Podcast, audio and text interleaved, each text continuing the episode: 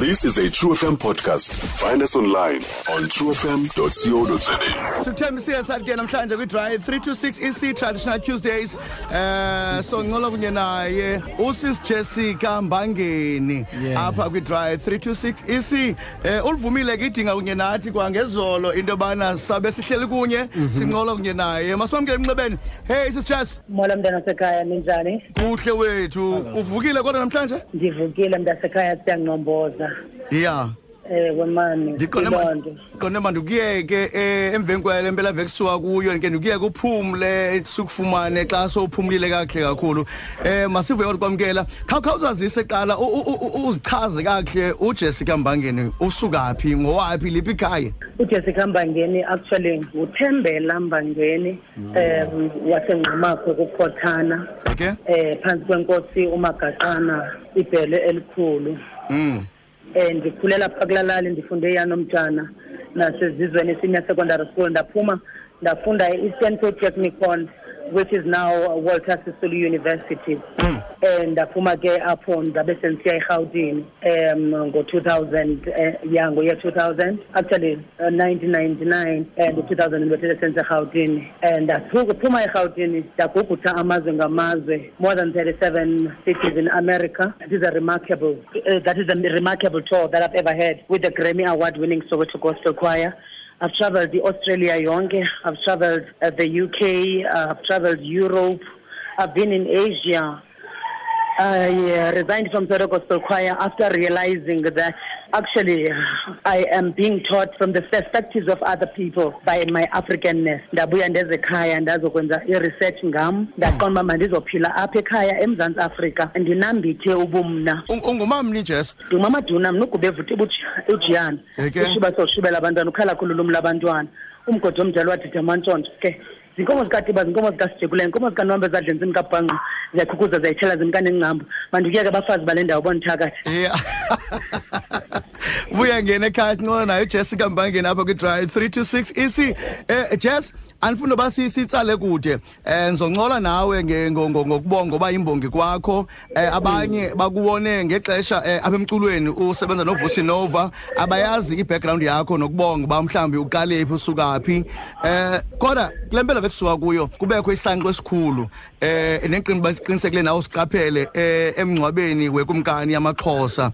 Bekusenzeka ntoni estagini abanye abanye bathe eh beyokuthathele besithi hayi abusiwe umuntu ongumama kwesa stage waxuthwa imic eh esabonga kakuhle. Kwenzeke ntoni eh, estagini kuphakathi kwakho nogeneral umgwebi? Yimpilo endiyiphilayo ke leyo oko ndaqala ukuba imbongi Ndi- ndiqala ngokwemvumi because apho ndikhulele khona ndikhulela kwiilali zamamfengu. Imbongi yinto eyivela mvela kancane kodwa ndandingumntu wayedubuleka ndi- ndi- ndisuke ndicule ndi- kuthiwe ke wena ucula ucula usuthethe. Yeah qomba iyandiembaraza le nto because kaloku ndandifuna ucula njengomama urebecca no- nobrenda fast nami ingoma ndiyafuna uba mayiphele ndisacula qha ke ndingekasazi isiphiwo sobumbongi. Ukuba ndinaso and ndandingasijongelanga into yoba noko ndingathi ndingumntu ongumama ndibe ndirharhama ndi- ndisenza ezi zinto. Ndandizibona imbongi xa ziphoxwa. Qomba soze kaloku mna I'm not in that league. Ndingayazi uba ku- ku- abantu badubuleka xa kutheni. Kanti nam ndizawudubuleka. Nditsho uba kukho xa ndisendireflecta back uba kukho umngcwabo wakho awukhona phaa kulaa lali yam. Um emfondini ndathi ndiyadubuleka ndiyacula. Um ndithi- ndi- ndi- in fact ndacela ke nokucula ndavunyelwa. Into nayo kwacaba kukho i-misunderstanding nje yokuba kukho abantu abangawuthandiyo lo moya endikuwo Okuya. but ewe mna ndandixefana ndiyacula kanti ndiyabonga ndiyabhodla. So abantu beyithatha ngathi ngumntu onamafufunyana ngathi ngumntu omborayo yabo? So ndakhula ndayibona ke ngoku oh ndaside ndasidiscovera sesiphiwo sam sobumbongi ndabonga ndikhumbula kaloku miswa ndimisiwe nasemngcwabeni kamama uadelaide tambo. Umama uadelaide tambo endinikeze umyolelo ke yena ukuba mntanam on a thursday uthe xa uphakamisa ingubo katata emangcwabeni kwakusenza i-unveiling ka-o r edavidson. Wasuke wandikhulula ndawabona amasango ivuleka undikhulule mntanam ndiyabulela. Uziwe nje njalo nakum kanti kwiveki elandelayo imam uzawusweleka nyani ke kwabe bekhona odala ithambo nabantwana bakhe uh, tembaseya nasiko-reverend uh, Themba Seya. Batsho ke uba kumele isi-state funeral kumele ndibe khona. Nyani ke ndaphoxwa phaya uh, kulaa mngcwabo kodwa kodwa uphalo jordan nodade umbheki babekhona baya- bayandomeleza. Uyabona? Okay. Ah, I- ok- i- ima ke jess ndiyakuva kakuhle ndifuna sibuyele kule mpela veki estagini abantu abaninzi i- i- i- i- intetha isusele ekubeni wena uqalisa ubonga. Eh kwasuka kweza utata omde ekuthiwa ngugeneral mgwebi wasuka wa- wathatha nawe endlebeni ithutyana elifutshane Utata wathatha u- imike Be- besithini kuwe endlebeni yakho? Andivanga nova ngoba bendiphethwe ngamanyanga mntasekhaya Bendi- bendikwenyimo but kutata utata umgwebi ungumntu endingakuxelela uba undazi kakhulu ngaphezu kuba abantu becinga uba fani uba bayandazi. Okay. lithawe eliya ndibonile kwenye ividiyo uba unikezwe instruction by somebody else Okay. ukuba ahambe njengekhomanda ayolungisa laa nto wafika ke wadubula. Undibule enyaweni wena utshawe infact udubule ecaleni konyawo. Qha abantu bothi sesisithonga and wabuya ke kum wazocela uxolo wathi uxolo gubevu ndathi kulungile tshawe ngoba ndiyayazi uba siyanyathelana empazweni. Sometimes kuye kuthiwe xa ku- xa kusiliwa u- udubule nejoni lakho kwenu Eh Jess Yes. ab- abahambi bayogxeka nje bathi eh bese kuchaziwe ngoke protocol yapha ebukhosini into bana i royal protocol into ba imbongi make zithi xa sihlale phansi eh suka wena wadanduluka wadubuleka. Eh wayobonga. Nto le abanye bayigxeke kakhulu besithi zange bayibona bayayizibula. Eh abanye bathi kwenye icala awukho umthetho eh endlini yase- yase- yasebukhosini othi umuntu ongumama akabongi. Ulwazi lakho nokubonga nomuntu ongumama eh kwindlu yobukhosi u- u- unolwazi ongakanani Uh, ndim- ndimbongile utata uzwelonke ebekwa kwi-coronation yakhe. Ndambonga uh, utata uzwelonke kumaxesha kumatyeli amaninzi. I think mabini uba ma- mathathu okanye mane mahlanu ii-events ebesiba nazo nathi esithiye sizenze nezinye endimenywe likomkhulu ndicinga ndibonga nangexesha kufika umama unkosazana ko- komkhulu uyaqonda. So um uh, just to control kusoloko kucontrol apho kokhona imbongi ukuba im- imbongi mazime ngoku kodwa bayasazi uba siyazawudubuleka qha ku- ndicinga uba ngekungcono mna ukuba kuthiwe ejonga ke gubevu uze ungabikho ngoba bayazi uba ndiyimbongi engazuzibamba and ke futhi no hard feelings kuloo nto leyo. Ah, asinanxa thina namatshawe ngoba bayayazi into yokuba bendiphethwe yintoni. Yeah. uba bekunjalo mna would have just gone to eangola ndiyophola okanye ndisele ezinye izinto ke mhlawumbi ezawundenza uba mhlawumbi ndipha- ndiphathe i-twenty litre yamanzi ngoba ke xa uyimbongi yaphambana up- u- u- intshisakalo iya- iya iya kuvuthulula hence uzolane engazange andimise waqonda ubana makandiyeke ngoba bendisenoquleka xa endiyekisile. So ebengafuni izandla zakhe zichatshazelwe ligazi ngoba kodwa uyazazi abanye bathi uye wathula xa kuthathwa imaki njengembongi edubulekayo bathi befama khange uthule uqhubekekile wabonga ngoku imaki ingekho. Uthuliswe into xa imaki ithathwayo uyimbongi e- e- e- e- edubulekayo? I'm not defined ke bhuti wam yinto inengqinga yabantu nento efunwa luluntu. Um i-moment ibe khona befanele bazibuzile ukuba nomgwebi uyenze kanjani laa nto ayenzileyo. Okanye yenzeke njani kwa yonke lamo lamo you cannot control it. It's in the spirit. If the spirit said keep quiet okay. Eh masiyeke ngoku abanye khange ba abanye bathi eh kho ngexesha kuthiwa kuyiwa emangcwabeni omama eh mabashiyeke ngasemva. Eh abanye ba banxakamile xa bekubona u- ukhokela uhamba nesifundisi. Eh nikhokela umkhombe lona uhuqa ilento ibhokisi yekumkani. Eh besithi besithi ayizibula zange sambona umuntu ongumama okhokela ibhokisi yekumkani nabefundisi. Okay.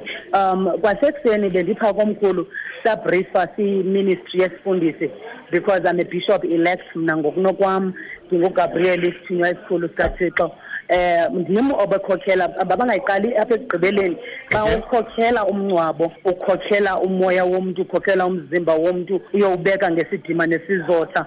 Um that means you are given authority. So we were briefed sisifundisi ukuba senze kanjani. So i was not just an ordinary woman but i was a woman serving a certain purpose kulaa mngcwabo wekumkani uyabuza ke omnye osibhaleleyo apha cela undibuzele kusisi Jessica into bana ukhonza kweliphi ibandla kwaye ungumfundisi na oediniweyo na Uh, I'm a bishop elect. I am ordained, and my uh, what you call my complete ordainment is on the 24th of May. Um, uh, and this will chaza ibandla endikulo for Okay. security reasons right now. But ndisebandleni yiyo lento bendikulaa ndawo yiyo lento nomoya wecawe elikhulu besibrifwa nguye ugeneral Mgwebi kulaa msebenzi besikuwo. so unelungelo lokungcwaba njengomfundisi nawe? Ndinelungelo lokungcwaba futhi andiqali ke ukukhokhela izingcwabo. okay. Eh sisijas masukiyeke mntasekhaya siyabulela kakhulu ngexesha lakho. Eh wenze nombongo eh, a tribute to ukumkani. Um ndinombongo wetribute kukumkani ndikwazile ukuba lo mbongo ndiwure ndiwurekhode um ndiyazi ndi- ndiwurekhodela ukuba abantwana bethu bafunde nabanye bangangam abangalwazi u- u- abangawaziyo nomnombo wesintu. Nokuba sikwazi uh, we need to preserve our heritage intelligence. Um bathi i-memory is our heritage. It helps us to preserve our cultural integrity sustain our heritage intelligence. Therefore this is the time uh ukuthi uh, kule legacy ithawe lamathawe sifunde sifunde ngathi ngoba kaloku izizwe zonke zijongile izizwe zonke zinxanelwe zisela singumthombo wezizwe singumthombo wolwazi. Therefore we need to preserve this heritage that is so powerful in our times yonke into esiyenzayo we must just do it in serving the purpose. And Okay. all, and lastly ndicela abantu bangamthuki ugeneral mgwebi. If you are for me and you are for women asinokwazi ukulungisa ububi ngobubi. Into ayenzileyo ewe ibimbi ibilihlazo kodwa let us be profound and say positive things. And umsindo wethu mawehle because he is the commander of uh, the military Okay. and he's the senior citizen and ngutata wasematshaweni and and no- nowasemaxhoseni nowezizwe zonke kumele izizwe zonke imagine we have been with the united nations so ndiyacela sihloniphane ningandithuka mna nenze yonke into eniyifunayo um but at the end we need each other to, to focus on ourselves sizibuze into yokubana what am i here for and we need to fulfill our purpose and our Okay, uh, Jess. uh, the, the most important purpose of life is to live life to the fullest uh, to find your gifts as a person wenze izinto uselapha emhlabeni. Nkosi kakhulu, Jess. ulapha emhlabeni ulungise okay okay. Simbami khambambe ngabo ujessica ndifuna sithethe naye nona noprince khandi sigcawu omele ubukhosi bamaxhosa naye. Um eh ngalo mzuzu. ke si- si- ke sincole kunye naye. Eh simamkele lapha emqubeni simva siyamfumana na. Um mntanegazi masikwamkele prince khandi sigcawu. Eh mandibulise msasazi ndibulise nakubaphulaphula Nkosi kakhulu tata. Eh masigama Maswaqala siwarhuqa. Eh siye kanye kule ndawo ifelithole emntana enkosi. Kwiveke epheleyo esuka kuye bekubekwa ekumkani aze lonke. Eh sibonile ilento u- uJessica Mbangeni estageini exuthwa imic iyajikeleza into yobana uabusiwe. Ithini iprotocol eh ya- ye- yendlu bukhosi eh nokubonga komuntu ongumama phezulu kumkani. mandibulise ke msasazi ndibulise nakubaphulaphuli bethu s m. Eh okokuqala msasazi into emandiyithethe yethi sidanisile kakhulu indlela eye intombi le yaziphatha ngayo yakwambangeni Eke? Eh singabantu ke babantu sizikumkani nengozi ngesizwe. Siyabahlonipha abantu besizwe sisikhokhelayo nathi silindele uba abantu besizwe eso sisikhokhelayo basihlonipha izinto eziceliweyo likhaya ukubana maziqhube ngohlobo oluthile. Ndicinga ubana akekho onelungelo lokuphikisana nazo engenguye owekhaya. Xa uhambele emzini wenza izinto ngokwemiyalelo yekhaya okokubana ke udadewethu ke enze ngohlobo enza ngalo elithandwa nguye ikhaya licele ngohlobo elicele ngalo noko leyo into iyindelelo enkulu. Endifuna ke ukuthi noko abantu bakwamaduna onokhalo gubevu ngabantu abalixabise kakhulu elaa khaya lasematshaweni abalihloniphe okunene abancedisayo ekwakheni kobuzwe nelaa khaya. Ibaluleke ke ngoku into yokubana noko xa intombi ezalwa kwisizwe sasemaxhoseni ithe yenza into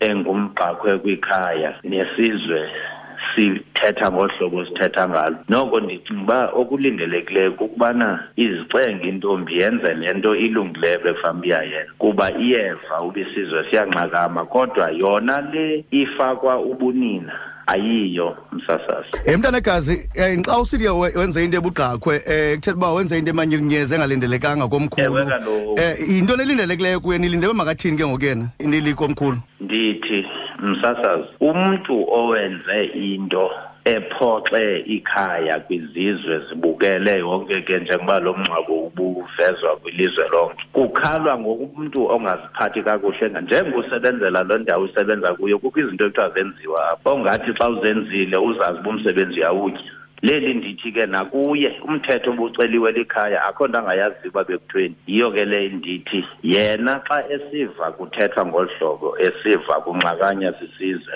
ngendlela aye waziphatha ngayo yena ebhadlile enguye ndiyathemba into yobana uyayazi into afama uyayenza esizweni ngendlela athe waziphatha kakubi ngayo. Andithi makathini kodwa njengoba emdala ekwazi ukulungileyo nokungalunganga uyayazi uba xa esiva kuthethwa ngolu hlobo yintoni afanele bayenze. Emntana omhlophe phambi ndikuyeke ndifuna undicacele kakuhle eh ngoba mhlawumbi uyawuthi omnye yimbongi uvuke yimbongi udandulukile eh esenza umsebenzi aqhela uwenza wokubonga njengembongi yomthonyama. Eh umhlambi ungayiphendula uthini loo nto leyo xa umuntu ovele sithi hayi imbongi imbongi yadanduluka eh besinothi okanye mhlambi bengalindelekanga njengomuntu ongumama abonge kumsitho ofana lowani msasazi asinanto yembongi ephakamileyo yawubonga iyintombi. Eke? Asithethi loo nto. Uba ubukho okanye ububukele naye usisi lo sithetha ngaye uyayazi ubana kuceliwe kwathiwa ucelwa iimbongi zime zizalinika ithuba. Ukhona usisi naye obephakamile efuna ukubonga wavalwa.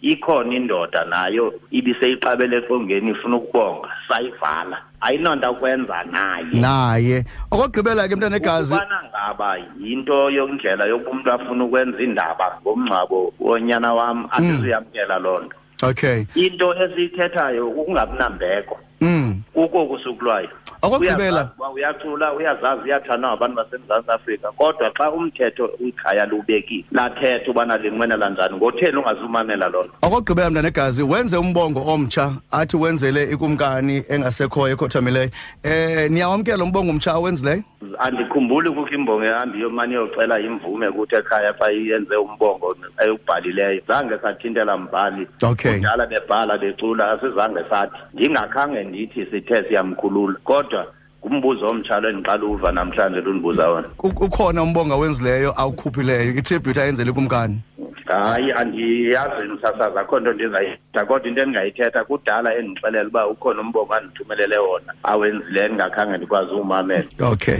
Nkosi kakhulu mntana egasi siyabulela kakhulu thatha ixesha lakho. All right. Prince khanti isicawu vakale ngaxolanga kodwa belikhaya. Uthi no abaxolanga. Traditional Tuesdays. On Drive 3 to 6 EC like no one else. ya sithe eyanamhlanje inkqubo inoqhatha nje onawo traditional tuesdays noba utyatyeka samkela ixhego lethu. Sikwamkela uba utyatyeka ndiyabulela lusi enkosi ixhego lam Ndiyabulisa, sikwamkela ndibulisa abaphulaphuli. Eh ungena ke apha utyatyeka sigqoncokola nosisi Jessica Mbangeni. Eh. oyimbongi yomthonyama eh okwayimvume apha eMzantsi Afrika. Eh ndiyaqiniseka mhlawumbe ubonile eh sibe sestagini eh bonga ikumkani sisuka kwathathwa eh imic phambi kwakhe. Eh sancokola kunye naye eh isithethi se- se- sebukhosini eh sendla amaxhosa uPrince Khandi Sigcawu. Eh evakalisa yena ukungaxoli kwabo nokuqumba kwabo belikhaya eh besizwe samaxhosa. Eh indlela enze ngayo Jessica Mbange nesithi njengentombi omxhosa ke uyayazi bakwenziwa njani. Eh xa nenze isenzo sifane siya ngoba ke bona belikhaya bebeninto baziceleba mazenziwe zilandelwe suka yena wazophula. Eh abanye ke begxeka into yobana tyhini wasuka wabonga uJessica phezu kwekumkani engumuntu obhinqileyo. I- ikhona into etyhulu kuloo nto leyo bawutyatyeka kunjalo luksi okokuqala abantu banempazamo yokucinga uba imbongi ngumntu ongenamkhala onokuvele nje enze nantoni na. Nantso into yokuqala esi- esiyigxekileyo phaa kulaa nto ubonga kwambangeni phaya A- anditsho kuba ke ingumntu obhinqileyo. Ubuyaqaphela ngo-1986 or 87 yake yenzeka laa nto phaa eqamata. Wahlaliswa kakubi gqithi umntu owayebonga pha eh, eqalisa ubonga. Kodwa kandizumbiza ngagama nawuske nimazi. Wahlaliswa kakubi ka- ka- ka- ngolona hlobo. Kuba kaloku imbongi okokuqala kufuneka iyazi uba kwenzeka ntoni apha. Xa kungcwatywa wonke umntu ngamanye amazwi uzilile. So ayinosuke nje igqabhuka imbongi nanini na xa ifuna ukubonga. Inowulinda yenziwe yonke inkqubo yekhaya ingaphazamisani nayo. Ithi yawugqiba ke yenze okokubonga kwayo okokuqala. Okwesibini kangangokuba ikumkani xa ingcwatywa abantu abangoomama ngokwesintu anditsho ke ngoku sesingamabhastile abantu ngokwesintu abangoomama abayi emangcwabeni. Kangangoba zikhona ke izizwe ezide zona ziyibambe kakhulu loo meko ngokuba akuyinabani na nokuba ngabe uyindoda akuyinabani na engcwabeni lekumkani ubuyajonga kodwa kwakungcwatywa uking sobhuza eswazini. Zange baye abanye abantu waziwa ngaba bantu bangqonge inkosi kuphela apha ngcwatywe khona. So sibethwa zezo zinto zinjalo ke ezi ngoku sesizitenxela kuba ngophi lo mngcwabo wekumkani ozawukhokelwa ngumuntu ongumama? Ngokolwazi lwakho bawutyatyeka nangokwe-royal protocol. Ukhona umthetho apha um kwindlu yasekomkhulu othi umntu ongumama akabongi? Akuthiwa akabongi. Mm. akanawubonga phezu kwekumkani. Okay. Akutshiwo uba akanawubonga. Okay. Eh kuyacaba nithetha eh nisondelele into nithethayo no Prince Xhandi Sigcawu. Now ke xana besixoxa kuthiwa le nto ayenzileyo ingumgqakhwe eh kwaye eh khange bayithande belikhaya eh bona eh o Prince Xhandi Sigcawu. Eh into mhlambe emele kwenziwa nguJessica engoku njengentombi omxhosa ebemele ungxengxeza kaloku komkhulu. Ebemele ungxengxeza mhlawumbi ke acela uba ubethwe livuso lamoyisa ngolo hlobo lumoyise ngalo. Akanayiyeka nje. Iyawuba ngathi ebeyenza ngabom into ebonisa into yokuba akalikhathalelanga ikomkhulu. Okay. U- mhlawumbe ungxengxeza kukuthini ke bawutya mhlawumbe ungxengxeza njani? Xa usithi uyongxengxeza wenze eh, into embi uqumise ikomkhulu mhlawumbe uqumbise ikomkhulu U- uyawudibana nekomkhulu lilo eliza kumxelela. Umzekelo ndake ndenza impazamo nam ndingayazi ikumkani ndiqala uyibona. Ngondi ndiyayibiza ke luksi um kwedini ngandiphathela amanzi phaa yho ndadliwa inkomo. So umntu uyadliwa ke. Wawutsho ke umkani ndangxengxeza ke. Ndandingamazi nyhani ke ndandingamazi. Wawutsho kwephi kumkani ke le khothamileyo le ikhodamileyo tyhini? Ndandingamazi uba noko wayesemfutshane ngeminyaka. Okay. Ngoku mna andimazi ndiye enqadu ndiyele enye into um sasinentlanganiso ngayo. Ngo ndibona lo mfana ke ngoku ndimthuma amanzi. So ukungxengxeza ke yinkomo ngokwakwaxhosa uyawuthetha ke nabo abantu bakomkhulu ukuba ngaba bayakwazi ukumamela. Okay. ubuye ngeneno otherwise yinkomo ukungxengxeza okay. Kanza kuyeka ogqibela eh kukhona ipicture bekuyavezwa uJessica eye kwi- kwi- kwisisusa se se awards somculo eMzantsi Afrika eh efake umnweba eh, ngonyama emagxeni akhe. Eh nale yenza isankxwe Ku- mhlambi ithetha ukuthini into yomuntu onxiba umnweba ingonyama? Yabona ke ukunxiba umnweba kuxhomekeka ekuthwaseni komuntu ujessica uba ngaba uligqirha unako ukuba abonakale ngesinxibo sakhe into yokuba uthwase ngengwe uthwase ngengonyama okanye uthwase ngemfene njalo njalo. So esaa sinxibo ke sidla ngokwalatha isilo somntu isilo ngamanye amazwi umntu athwase ngaso. Okay akho wrong xana ebethwase ngonyama noba akangoyintwana hayi wekazi hayi. Cha into eyaphantse yatenxa lux okay. yintloko yengonyama. Mm kuba wayemele uba wambethe umnweba umnweba ke lufele qha. Inhloko ingekho. Aludibani nentloko. Intloko ke ngokuseyithetha enye into. Ukuvile bawutyatyeka eyi Nkosi kakhulu xhego lam siyabulela ndiyabulela lux Stream True FM online on truefm.co.za. sikho yonke indawo ngalo lonke ixesha like no one else.